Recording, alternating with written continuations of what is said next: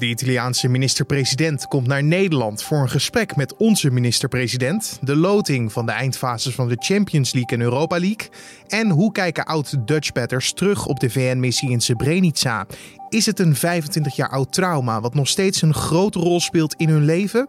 Dit wordt het nieuws. Eigenlijk is die hele, was die hele VN was gewoon doelloos. Je, blauwe beret en je VN-teken werd niet eens, uh, daar, daar keken ze niet naar. Ze zaten gewoon te kijken zo, je bent de volgende sukkel die binnenkomt en ons, uh, ons te vertellen wat, je moet doen, wat wij moeten doen. Dat was ex-Dutchbatter Freerk Meuken. Met hem en Olaf Nijboer, tevens een ex-Dutchbatter en bestuurslid van de vereniging Dutchbat 3, gaan we straks in gesprek over de val van Srebrenica 25 jaar geleden. En hoe dat nog steeds een rol speelt. Maar eerst kijken we kort naar het belangrijkste nieuws van nu. Mijn naam is Carne van den Brink en het is vandaag vrijdag 10 juli. Het kabinet moet na de coronacrisis kiezen voor een herstelplan dat de economie en werkgelegenheid in Nederland bevordert en dat bijdraagt aan duurzaamheid. Dat adviseert de Raad voor de Leefomgeving en Infrastructuur in een advies Groen uit de crisis. De Raad noemt meerdere mogelijkheden om bij te dragen aan het economisch herstel van Nederland. Zo moeten bestaande woningen versneld verduurzaamd worden en ook de nieuwbouw moet versneld worden. Verder adviseert de Raad om voorlopig niet te investeren in de aanleg van nieuwe wegen. Onder meer omdat deze minder nodig zijn nu meer mensen thuiswerken. De Franse autoriteiten hebben bekendgemaakt dat ze onderzoek gaan doen naar onthullingen dat lichamen die ter beschikking zijn gesteld aan de wetenschap onethisch behandeld zijn. Dat schrijft The Guardian. De lichamen zouden naakt op elkaar gestapeld liggen. Er zouden losse lichaamsdelen zijn aangetroffen. En ook zou er onder meer een doorgesneden hoofd op de grond van het centrum hebben gelegen. Sinds de opening van het Centrum voor Lichaamdonaties van de Descartes Universiteit in Parijs in 1953 werden er jaarlijks honderden lichamen gedoneerd. Minister Carola Schouten van Landbouw gaat met experts in gesprek over de eventuele gezondheidseffecten van het verlagen van ruw eiwit in het veevoer. Dit na aanleiding van zorg in de sector. Dat schrijft ze in een brief van de Tweede Kamer. Wel blijft ze erbij dat er meer eiwit gevoerd wordt dan nodig. Het teveel aan eiwit wordt niet opgenomen door dier, maar in de vorm van ammoniak uitgestoten. Dit wordt in de sector en in de wetenschap breed onderschreven, al dus de minister. Volgens Schouten houden de maatregelen die ze neemt voldoende rekening met het welzijn van dieren. Toch laat de minister zich adviseren, onder meer door de Koninklijke Nederlandse Maatschappij voor Dierengeneeskunde. En maatregelen die supermarkten eind maart namen om Nederlanders zo veilig mogelijk boodschappen te kunnen laten doen, verdwijnen langzaam weer. Dat blijkt uit een rondgang van nu.nl. Het speciale uurtje voor ouderen om boodschappen te doen en het namens de supermarkt schoonmaken van ieders winkelkarretje komen steeds minder vaker voor. De supermarktketens benadrukken dat de vermindering van het aantal maatregelen niet betekent dat het coronavirus minder serieus genomen moet worden. Zo blijven de belangrijkste coronamaatregelen vanuit de branchevereniging CBL gelden. Daarnaast wordt de service van supermarkten om winkelkarretjes schoon te maken in veel gevallen verwisseld voor een doe-het-zelf variant, waarbij een desinfectiemiddel bij de ingang staat om de verplichte karretjes of mandjes zelf schoon te vegen. En dan het onderwerp van vandaag. En dat is de val van het plaatsje Srebrenica. Het is zaterdag precies 25 jaar geleden. De Nederlandse blauwhelmen van Dutchbat moesten in het plaatsje uit naam van de Verenigde Naties tienduizenden moslims beschermen. Echter moesten zij later machteloos toekijken hoe de grootste genocide in Europa sinds de Tweede Wereldoorlog zich ontvouwde. Het Nederlandse Dutchbed kon niet verhinderen dat er zeker 8000 moslims werden vermoord terug naar het heden. Want hoe kijken Dutchbatters nu terug op deze toch wel zwarte bladzijde uit de Nederlandse geschiedenis? Ik ging hierover in gesprek met ex-Dutchbatter Freerk Meuken. Wat was zijn rol binnen Dutchbat 3? Uh, 25 jaar geleden was ik binnen Dutchbat 3 uh, viertonnen chauffeur en uh, medewerker verdeelplaats op de verbandplaats. Dat houdt in dat wij, ik samen met een collega, de medische voorraad beheerde en uitgaf. En als we terugkijken op de VN-vredesmissie en de inzet van de Nederlandse militairen, dan lees je in de rapporten naderhand telkens het woord onvoldoende qua voorbereiding, qua middelen, luchtsteun. Hoe kijkt u hierop terug? Nou, ik was uh, buitengewoon dienstplichtig. Dat houdt in dat ik uh, een van de weinige uh, dienstplichtigen was die destijds daar zaten. Ik ben, ja, goed, ik moest, ik zou wel of niet in dienst komen, of dienstplicht moeten vervullen. Ik wou dat nuttig doen, dus ik heb op een gegeven moment me opgegeven voor een VN-missie. Ja, dan kom je uiteindelijk met een VN-opleiding kom je, kom je daar dan in Joegoslavië terecht. Dat was eigenlijk vrij sumier. Je leert vrachtwagenrijden, je leert eens een keer wat over, over de VN, je leert wat een keer wat over checkpoints. Maar daar houdt het ook mee op. Dus mijn voorbereiding was sumier. En als u nu terugkijkt op die tijd, wat is u dan het meeste bijgebleven? Doelloosheid. Ja, dat klinkt heel, heel gek. Doelloosheid of machteloosheid, maar voor mij vooral doelloosheid. Je uh, zit vol idealen. Ik, heb, ik, uh, ik had een leraaropleiding gedaan. ik was 23 jaar en je gaat met een ideaal richting Joegoslavië. Dan ben je in elk geval nuttig bezig. Je kunt de mensen daar ondersteunen en helpen. Eigenlijk is die hele, was die hele VN was gewoon doelloos je blauwe beret en je VN-teken werd niet eens, uh, daar, keken ze niet naar. Ze zaten gewoon te kijken zo, je bent de volgende sukkel die binnenkomt in ons, uh, ons ding te vertellen wat, je moet doen, wat wij moeten doen. Het respect was ver te zoeken. mensen die, zowel Serven als Kroaten, hadden gewoon zoiets over, joh. En ook de Bosniërs zelf, de moslims, hadden gewoon zoiets over, joh. wij regelen dat wel op onze manier en hebben we jullie niet bij nodig. En met de kennis van nu, denkt u dan teleurstellend terug aan die tijd met het idee als ze ons wel serieus hadden genomen of meer serieus genomen, dan hadden we meer kunnen doen voor de mensen daar? Nou ja, want uh, moet ik het zeggen, uh, je, je, je, hebt een overtuiging zo van, nou, de mensen, uh, je gaat daarheen met een blauwe beret, dus je stelt iets voor, je, je, je kan het verschil maken. Hm. En als dan blijkt dat op een gegeven moment een van de partijen of twee van de partijen zoiets hebben zo van, joh, uh, je stelt niks voor, maar wij maken daar de dienst uit. Ja, dan, dan, dan klopt er iets niet in dat beeld. En uh, als wij gewoon beter, uh, beter bewapend waren en beter materieel hadden gehad en gewoon beter voorbereid waren op de situatie, dan hadden we ook een vuist kunnen maken. Die vuist kun je nu niet maken. Ja, en misschien is dit wel een onwennige vraag, maar stel u zou de tijd terug kunnen draaien naar 1995. Had u dan iets anders willen doen of anders gedaan? Klinkt heel stom. En uh, het antwoord is nee. Ik heb uh, heel lang uh, gevochten met mezelf en ook met, met, met mijn omgeving. En heel vaak de vraag gesteld zo van wat als? En dat is een hele rare vraag om te stellen. Mm -hmm. Maar wat als ik dit had gedaan of wat als ik dat had gedaan? En op het moment dat je die vraag bij jezelf stelt, dan kom je eigenlijk continu uit op het, ook op, een andere, op hetzelfde antwoord. Alles, is, alles wat wij toen hebben gedaan, hebben we op dat moment ook goed gedaan. Meer hadden we ook niet kunnen doen. Maar het duurt, het heeft al uh, bijna 20 jaar geduurd voordat ik tot dat besef kwam. Ja, want in hoeverre spelen die gebeurtenissen van toen nu nog een rol in uw leven? Uh, nou, maand juli uh, is elk jaar sowieso behoorlijk beladen. Maar oud en nieuw is beladen met vuurwerk.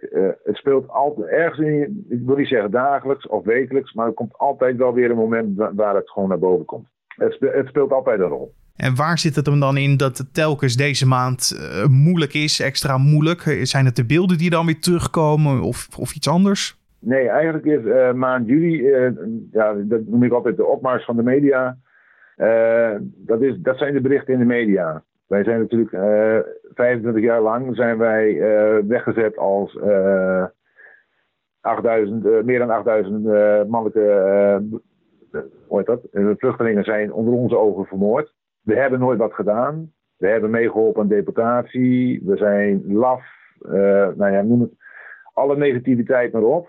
En dat steekt het meest. En dat is ook het moeilijkste om uh, iedere keer weer in verweer te gaan. En uh, is dat gevecht dan nu nog steeds gaande voor u? Of uh, is het ook dat u denkt, we zijn nu op een punt terechtgekomen dat ik het of kan loslaten, of dat we toch langzaam het bredere plaatje gaan zien? Nou, ik ben blij met de drie luik die, die onlangs op tv, de afgelopen drie dagen op tv is geweest.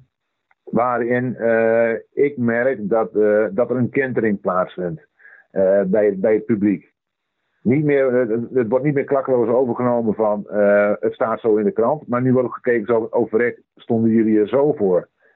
Hebben jullie het zo zwaar gehad? Hebben jullie dit inderdaad zo beleefd?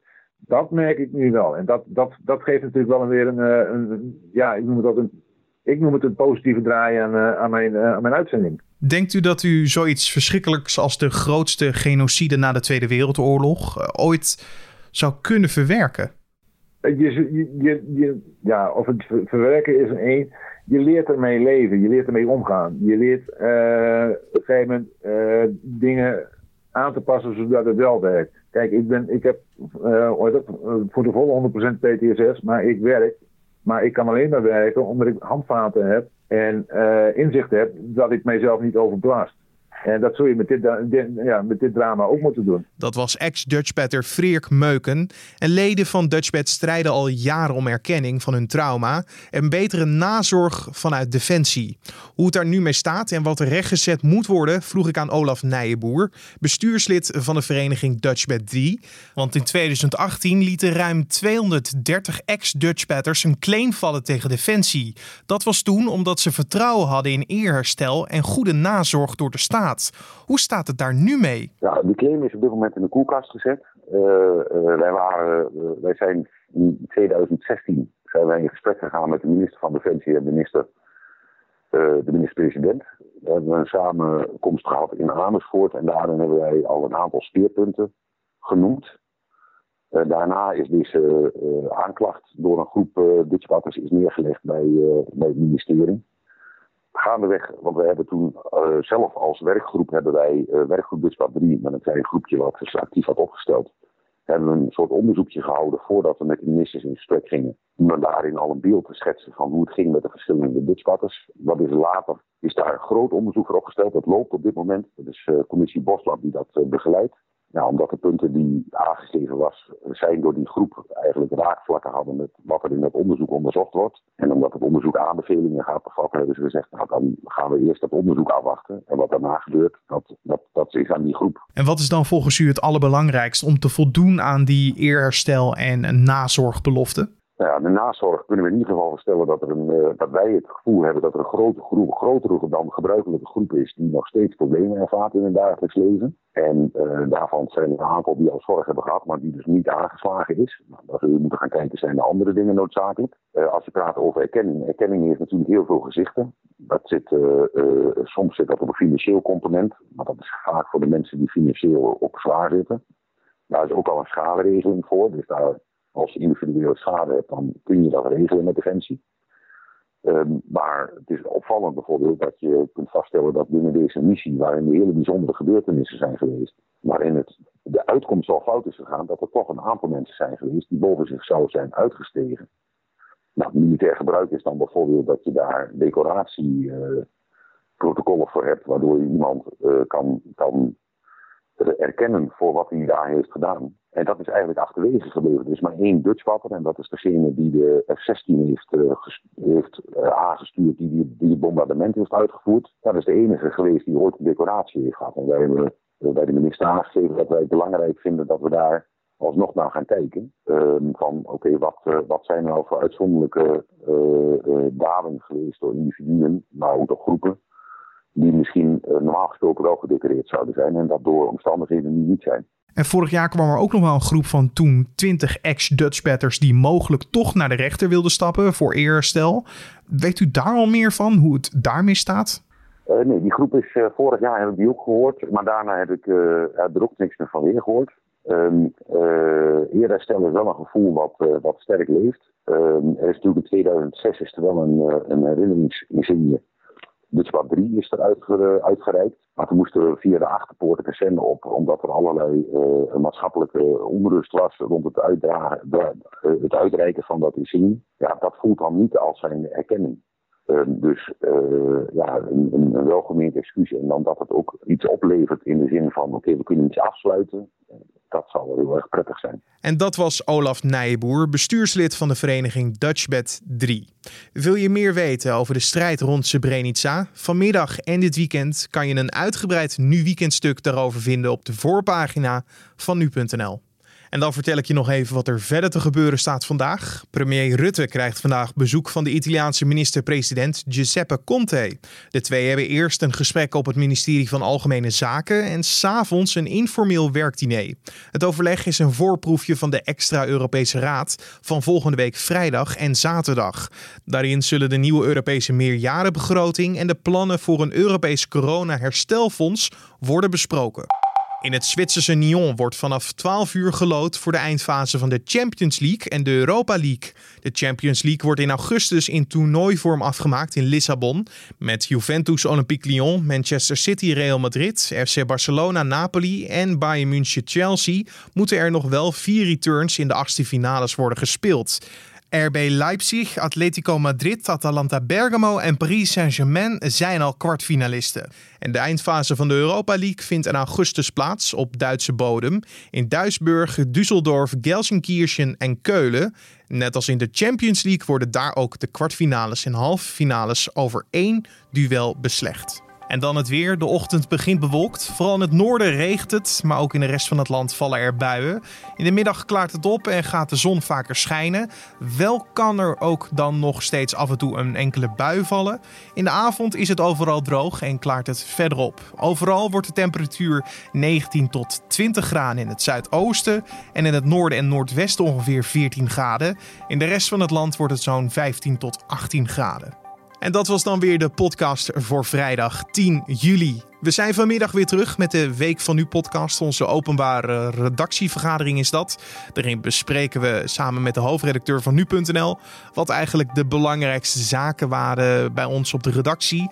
Er zijn er keuzes gemaakt die misschien uh, opmerkelijk waren of die besproken moeten worden. Of uh, zijn er uh, ja, gebeurtenissen geweest waar wij op een bepaalde manier hebben op gereageerd, die wij je heel graag willen vertellen. Nou, dat hoor je allemaal vanmiddag in de Week van Nu podcast. Kan je gewoon in dezelfde feed als deze vinden en op de voorpagina van nu.nl. Heb je nog vragen die we snel nog kunnen behandelen vanmiddag? Stuur ze op naar podcast.nu.nl of je kan een recensie achterlaten via Apple Podcast. Mijn naam is Carne van de Brink. Ik wens je een hele mooie dag. Alvast een heel fijn weekend. En tot de week van nu. En anders tot maandag.